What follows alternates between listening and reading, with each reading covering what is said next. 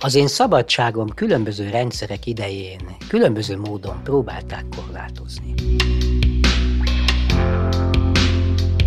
Nekem mindig nagy volt a pofám.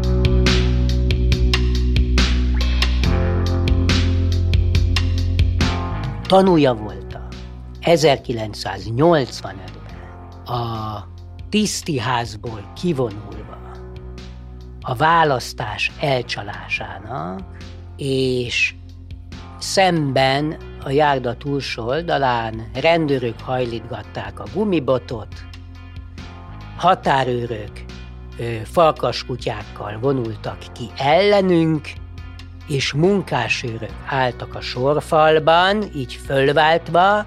Na most, amikor az alapvető szabadságjogunkat nem engedték, hogy érvényesítsük, akkor az engem igen erősen frusztrált, és megjegyzem, nagyot lökött bennem abba az irányba, hogy két év múlva aktív ellenzéki voltam. A jelenet 1985-ben történt. Főszereplője pedig Miklósi László, aki akkor fiatal kezdőtanárként szembesült azzal, hogyan is működik egy diktatórikus rendszer. Azóta dolgozott közel 40 évet, ami alatt többször és többen próbáltak beleszólni abba, mit és hogyan tanítson. De az igazságérzetét, a szabadság melletti elkötelezettségét eddig senkinek sem sikerült megtörnie.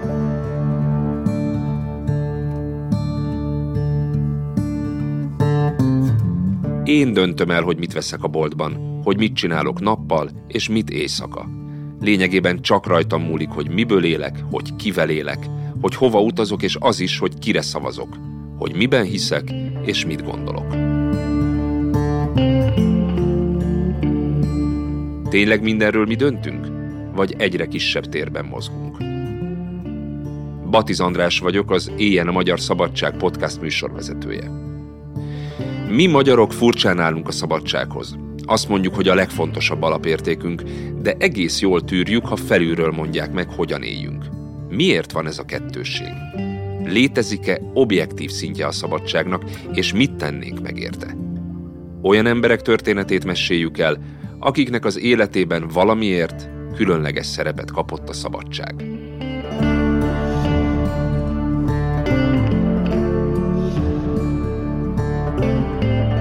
Egy társadalom szabadságát jól le lehet mérni azon, hogy hogyan áll az oktatáshoz. Ha pedig az oktatás szabadságáról beszélünk, akkor nyilván a történelem tanítással kell kezdenünk, hiszen ez a legérzékenyebb tantárgy, amit politikai rendszerek időről időre át akarnak írni.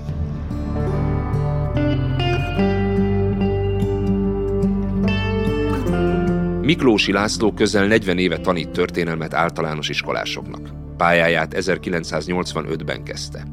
Ekkor még a politika írta elő, hogy mit kell mondani bizonyos történelmi eseményekről. A tanárok és az oktatás szabadsága egyáltalán nem volt magától értetődő, és leginkább az egyes emberek bátorságán múlt, hogy mennyire merték a diákoknak azt tanítani, ami valójában történt. Nagyon nem mindegy, hogy valaki mikor kezdett tanítani.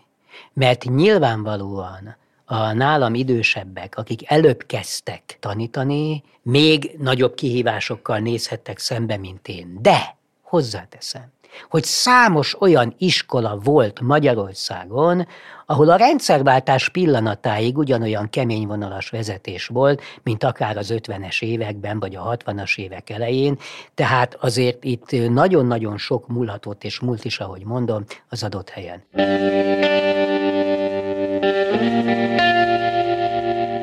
Hogy mennyire volt kemény vonalas a vezetés, az jól lemérhető azon, hogy egy tanár mennyire beszélhetett szabadon bizonyos történelmi eseményekről. Amellett, hogy a párt vezető szerepét, illetve a Szovjetunióval való szövetséget nem lehetett kétségbe vonni senkinek, az 1989-es rendszerváltás előtt a legkritikusabb téma az 1956-os októberi forradalom megítélése volt. A forradalmat a leverése után az állampárt ellenforradalomnak titulálta, a hivatalos álláspont szerint a korábbi pártvezetés hibái miatt csalódott népet reakciósok, fasiszták és imperialisták tüzelték fel és tévesztették meg, hogy döntsék meg a szocializmust. de kritikusnak számított a tanácsköztársaság kérdése is. 1919-ben ugyanis 133 napra az akkori kommunista párt szerezte meg a hatalmat, de erről a rendszerváltásig csak jót lehetett mondani, míg a vörös katonák, vagyis a kommunisták kegyetlenkedéseiről nem lehetett beszélni, csak a tanácsköztársaság bukása utáni fehér terrorról. Ezek a problémák az 1980-as évek második felében az iskolákban is lecsapódtak, és ezekkel különböző helyzetekben László is szembesült. Egy nagyon-nagyon személyes emlékem van a párommal, amikor megismerkedtünk, 89, és ugyanazt a feladatot kaptuk. Én kitolásból, ő meg csak úgy. A tanácsköztársaságról kellett megemlékezni az iskola rádióban március 21-én, és megkérdezte tőlem, hogy mi a fenét csináljon. És akkor én elmondtam, hogy én azt elmondom, hogy én mit csinálok. És konkrétan arra emlékszem, hogy az én rádió műsorom 50%-a szólt a vörös terrorról, és 50%-a a fehér terrorról, három fölvezető mondat után. Tehát ez egy nagyon-nagyon éles emlékem, és akkor az egészen új és döbbenetes dolog volt, hogy a vörös terrorról egyáltalán itt szó esik. A történelem tanárok között nyilván voltak, akik ellenforradalomnak tanították, és hittel és lelkesen elmagyarázták, hogy miért ellenforradalom. Én csináltam egyébként a rendszerváltás után egy tanulmány, 12 interjút készítettem abszolút különböző értékrendű töri tanárokkal. Ez az én tapasztalatom szerint körülbelül a tanárok 10 százaléka lehetett, aki hithű kommunistaként így tanított. Nekem egy közvetlen kollégám is így volt, nagyon szerettük, tiszteltük egymást, csak homlok egyenest más gondoltunk egyes kérdésekről. Például erről. A tanároknak egy szintén hasonló kis csoportja nevezte forradalomnak 56-ot, nem mindegy hány évvel a rendszerváltás előtt. Talán egy még kisebb csoportja. És az óriási többség valahol a kettő között helyezkedett el a skálán, nem mindegy, hogy a skála melyik pontján. Volt, aki azt mondta, hogy olvassátok el otthon, kérdezzétek meg a szüleiteket, és így tovább. Sokféle megoldás volt. De 88-ból is van egy történetem. A Fővárosi Pedagógiai Intézetben létrehoztak egy Gondolkozzunk Együtt műhelyt csoportot, amelynek a vezetője Bíró Ferencné Ibolya volt, aki a Magyarországi Történelem tanítás vezetője volt, vezető szaktanácsadó, és egyébként az intézet pártitkára. Meggyőződéses kommunista volt, értékrendileg nagyon határozottan és egyértelműen. Nekem ezekben az években elsősorban módszertani problémáim voltak, hogy hogyan tudom azt, amit én meg szeretnék tanítani, milyen módszerekkel tudom hatékonyan eljutatni a gyerekekhez. Pályakezdőként én ilyenekkel küzdöttem, és lényeg az, hogy amikor ebben a műhelyben voltunk, akkor mindenki kapott egy-egy kidolgozzandó témát és feladatot bíró Ibajától, de hozzátette, hogy 56-ot nem osztja ki, azt majd ő megcsinálja. Magyarul azt nem bízta ránk, mert tudta, hogy bármelyikünk, aki ott van, azt máshogy csinálnánk meg, mint ő. Tehát nálunk nem lett volna ellenforradalom, valószínűleg azt írtuk volna le, hogy 56. Azt hiszem, én a magam részéről nem minősítettem volna, hanem leírtam volna az évszámot, azt hiszem, így jártam el, és leírtam, hogy mik történtek. És akkor mindenki gondolja, végig lehet értékelni, minősíteni. Én úgy emlékszem, hogy elsősorban ezt csináltam, és nekem korábban, hangsúlyozom még főiskolás koromban, nagyon-nagyon újszerű volt amikor én azt hallottam falun élő emberektől, hogy forradalom. Én korábban nem ezt hallottam, 56-ról. Tehát ez a ráeszmélés az én esetemben, hogy itt nem egész úgy történt a világ, mint ahogy ezt nekem korábban tanították, ez főiskolás koromban történt, de nem a főiskolán tanultam, hanem egyéb ilyen falukutatási tapasztalataim alapján ismertem meg.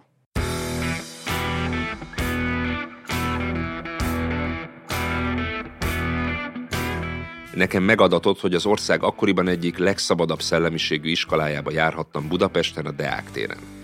Itt még bőven a rendszerváltás előtt is részt vehettem már vallástörténeti szakkörön, és 1988-89-ben történelem tanárunk félretetette velünk az aktuális tankönyvet, és inkább mesélt, például 56-ról. Az 1980-as évek második felében recsegni ropogni kezdett a szocialista rendszer. Egyre másra alakultak a rendszertől független egyesületek. László és fiatal tanártársai, köztük egyébként az én tanárom is, 1989 áprilisában tettek közé egy felhívást egy történelem tanári szervezet megalakítására. Fél évvel később pedig meg is alakult a történelem tanárok egylete. Az Egyesület a nagy történelmi változások idején a szakmai érdekképviseletet, a történelem tanítás színvonalának emelését és a tantárgy ideológikus jellegének felszámolását tűzte ki célul klasszikus ideológia mentesség az nem lehet a történelem tanításban. Hát már csak azért sem, mert tehát hogy mondjam, értékekről van szó.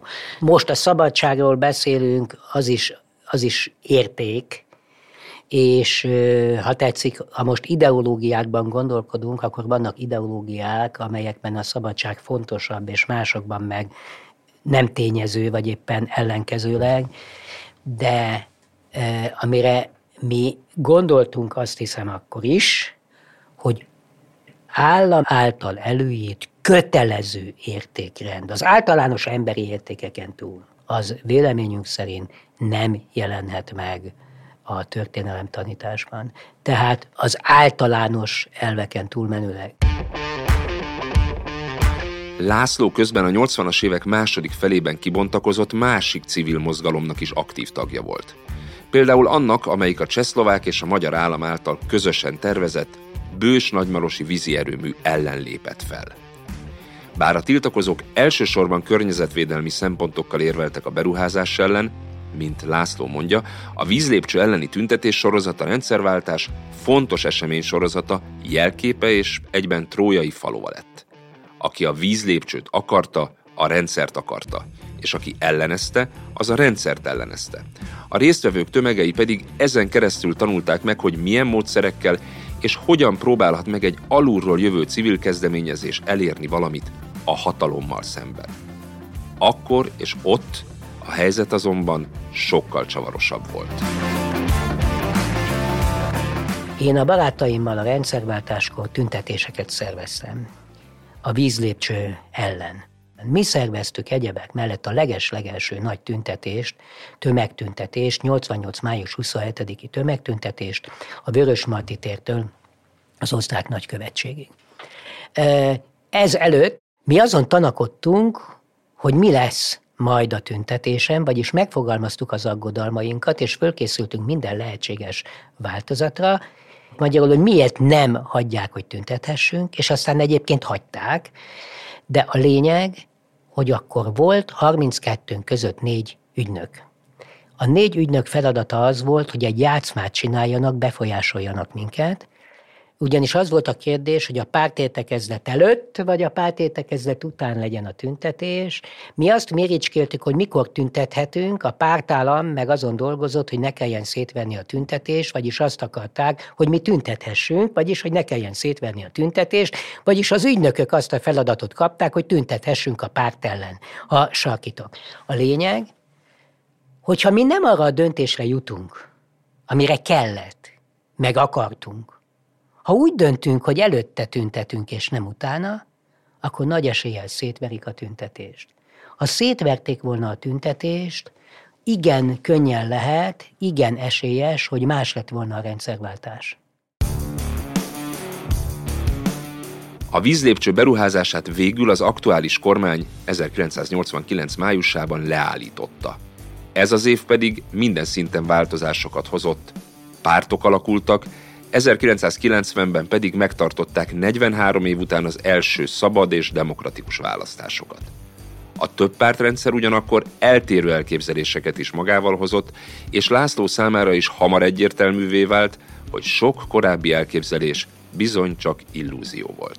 90-es évek legelején megkerestem Gönc Árpád titkárságát azzal, hogy lehetne arról szó, és ha kell, akkor mi szívesen kezdeményeznénk egy ilyet, ha ezt lehet, hogy a parlam, az adott parlament, akkor hatpárti parlament volt, oktatás politikusait kéresse be az elnök úr magához, és akkor vagy magával együtt csukja be az ajtót, vagy csukja ő rájuk az ajtót, és akkor engedje ki őket a szobából átvitt értelemben, hogyha megállapodtak egy olyan paktumban, most ezt jó értelemben használom, ami minimum 20 vagy 25 évre lefekteti azt, hogy melyek az alapvető kérdések a magyar oktatási rendszerben, függetlenül attól, hogy ki kerül hatalomra.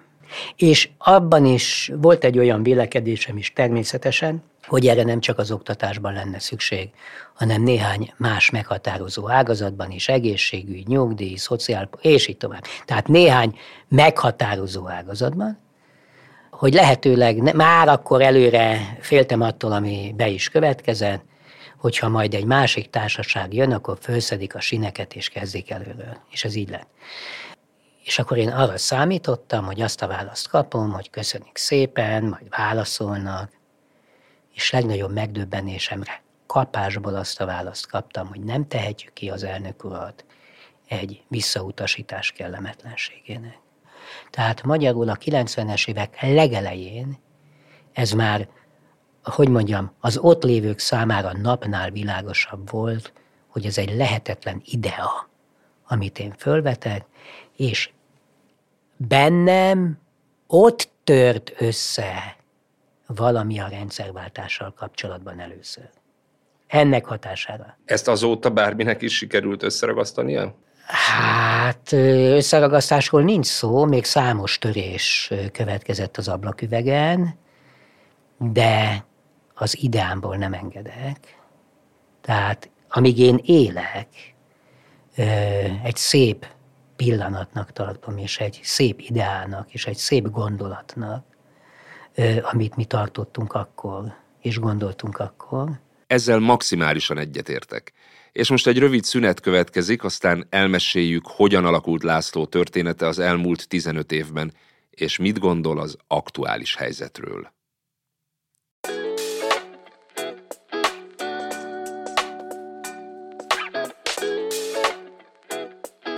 Idővel bejött, amitől László tartott, az egymást váltogató különböző politikai kurzusok egyre másra újabb és újabb oktatáspolitikai koncepciókkal kísérleteztek.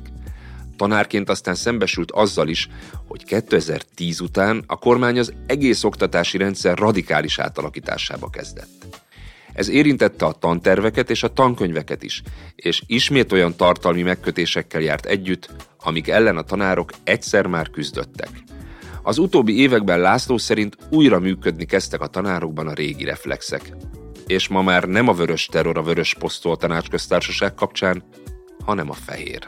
Nagyon lényeges, hogy milyen az intézmény vezetője, az igazgató egy iskolában. Ezen sok múlik abból a szempontból, hogy ott milyen a légkör, illetve azon is, hogy mit lehet és mit nem. Ahol egy erőszakosabb, autokratább vezető van, a tanárnak ott is van egy belső szakmai autonómiája. Van egy számomra na- nagyon ellenszembes és mindenki által ismert klasszikus mondat, ez a ha becsukom az ajtót, azt tanítok, amit akarok. Ezt ma is egyre többet halljuk, és ezen, ezen én föl vagyok háborodva, hogy a rendszerváltás után több mint 30 évvel már miért kéne becsukni az ajtót. Én egyébként általában nyitott ajtó mellett tanítok, és mindenki azt gondol, amit szeretne, arról, hogy én mit tanítok. A lényeg az, hogy bárkivel szemben tudjam megvédeni, hogy mit miért csinálok. Egészen más volt a helyzet addig, amíg voltak választható tankönyvek. Ez azért nagyon-nagyon-nagyon fontos. Akkor az állami tankönyveknek is, volt ugye akkor is állami tankönyvkiadó, mikor, hogy hívták, hogy mondjam, a valóság talaján kellett állniuk. És hogyha egy tanár úgy látta, hogy akár az adott könyv szakmaisága alapján volt ilyen, vagy még inkább a taníthatósága miatt, mondjuk a C tankönyvet választja, és nem az A, B-t vagy a D-t, akkor ezt megtehette. Amikor kizárólag két állami tankönyvből lehet hivatalosan rendelni, mint napjainkban, És ráadásul, és pontosan az előző témánál, szó szerint ugyanúgy fogalmaz a két könyv, és ötödikben is ugyanúgy fogalmaz, és netán a középiskolában is ugyanúgy fogalmaz, és ráadásul még arra is van példa, hogy a szakmai lektor az azonos azzal a szerzővel, aki megírta ezt a könyvet, tehát miután megírta, jól ellenőrzi magát, hogy jót írte, hát azért ez egy érdekes helyzet, ilyen korábban nem volt. És ez tényleg csak egy példa, de hogy most a mostani hetedikes könyvet mondjam, az idei történet, vörös terror, fehér terror. A tanterv, a jelenlegi tanterv, az már nem ismeri a fehér terror fogalmát. Hiányzik ez a szó összetétel a tankönyvben? Igen, nincs benne, az egyik tankönyvben benne van, a másikban nincs benne, hanem fehér különítményes megtorlások szerepelnek ehelyett, ami már bocsánat, de nem ugyanaz. A fehér terrornak az egyik eleme a megtorlás, de amikor mondjuk agyoncsapják a boltost, aki nem csinált semmit a tanácsköztársaságban, csak netál zsidó volt, akkor az nem egy fehér különítményes megtorlás, hanem más. Például. Szóval ez már a tanterben is így szerepel, a mostani kerettanterben, és hát ez, hogy finoman fogalmazzak, a történelemnek az eltorzítása. Mekkorát kockáztatnának azok, akik mondjuk a mai elérhető két majdnem azonos történelem tankönyv tartalmán fölül, vagy azzal ellentétesen fogalmaznának meg a közelmúlt vagy a régmúlt történéseivel kapcsolatban állítást a diákoknak?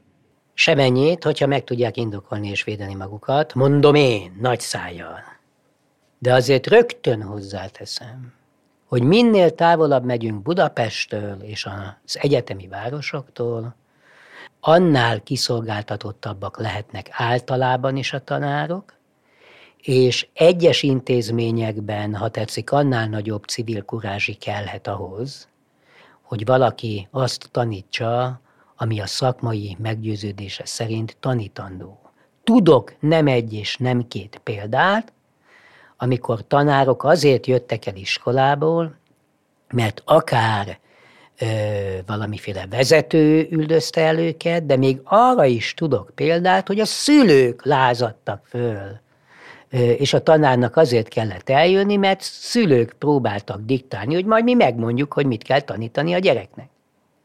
Tehát egészen különböző történetek vannak, de én nekem az a meggyőződésem, hogy minden körülmények között lehet a tanárnak valamiféle szakmai autonómiája, és a legnehezebb helyzetekben is valamilyen módon jelezheti, és hangot, jelzést adhat annak, amit ő gondol, hogy éppen mikor, hol, miként, milyennek a módja, hát az a realitás, hogy ebben lehet eltérés, de azért rögtön hozzáteszem, hogy legalább ekkora probléma, de én ennél nagyobb problémát látok abban, hogy azért bizony vannak olyan tanárok, akik nem is szeretnének tanárok lenni, csak ott vannak, vagy az lenne, ha nem is ők lennének ott, hanem mások, és akkor ők meg a tankönyvet tanítják, és mit érdekli őket, az egész csak csöngessenek ki már.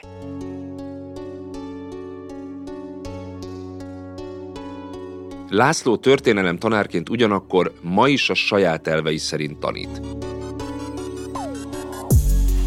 A történelem tanárok egyletének elnökeként pedig ma is küzd az oktatás szabadságáért, a tanárokért és a saját ideáiért. Beszélgetésünkre is egy sztrájkról érkezett, ingén egy gigászi, ki fog holnap tanítani feliratú kitűzővel. Ez ma az egyik fő kérdés. Tehát azon kívül, hogy mire való az iskola, mi történjék ott, mi a gyerekek érdeke, bár én inkább diákok szót használok.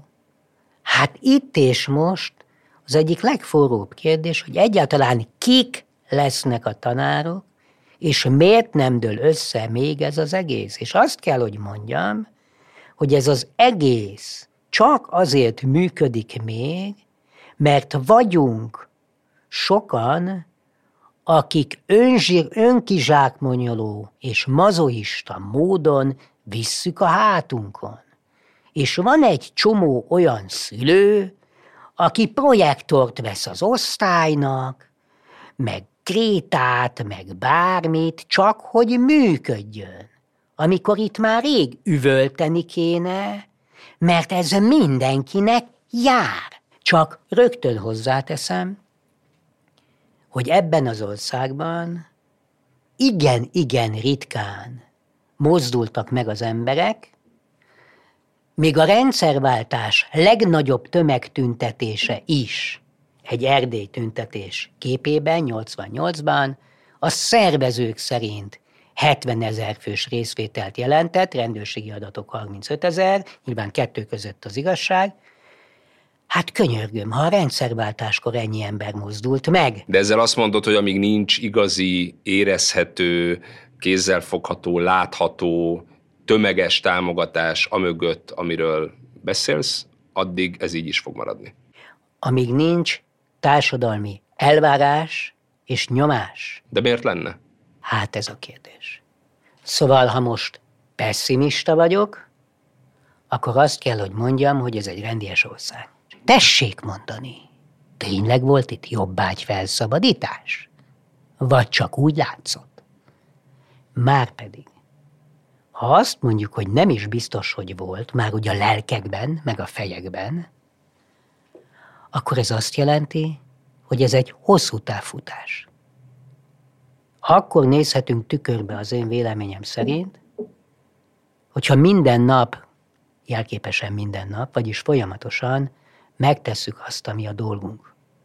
Tesszük, amit tennünk kell, például én tanítok, meggyőződésem szerint tanítanom kell, és véletlenül se teszek mást, mint ami az én feladatom, mit tudom én, értékekben, iskolavilágában és egyebekben.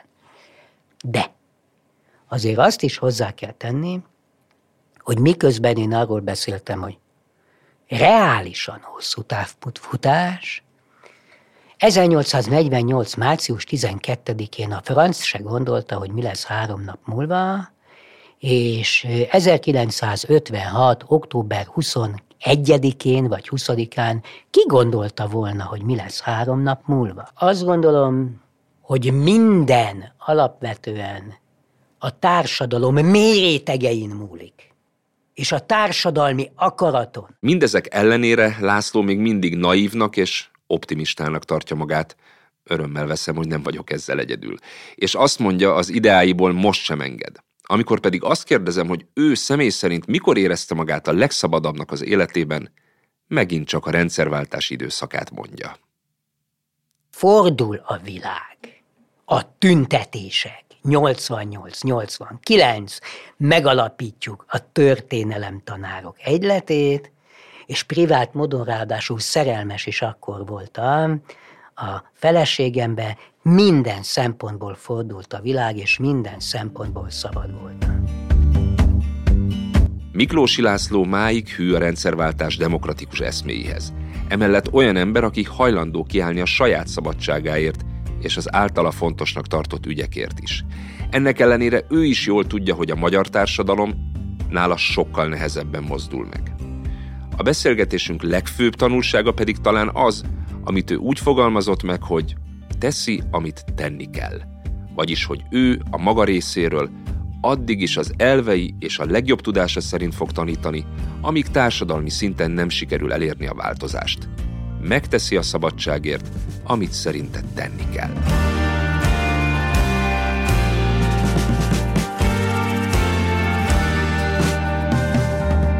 Ez volt az Éjjen a Magyar Szabadság podcast, amiben a magyarok és a szabadság különös viszonyát mutatjuk be személyes történeteken keresztül. A műsort a Beaton Studio a brüsszeli Bulle Media produkciós ügynökséggel partnerségben fejlesztette. A podcast a Sfera Network tagja, ami azért jött létre, hogy független műsorkészítők személyes történeteket bemutató podcastjain keresztül jobban megismerjük egymást és a kontinens közös értékeit. A műsor angol nyelven is elérhető. A Bulle Media részéről a tartalmi koncepció kialakításában Alexander Damiano Ricci vett részt. Az Éjjel a Magyar Szabadság szerkesztője Fazekas Zsuzsanna és Lukács Luca, a hangmester Gyöngyösi Ádám, a kreatív producer Román Balázs, a producer Hampuk Rihárd. Batiz Andrást és az Éjjel a Magyar Szabadságot hallottátok.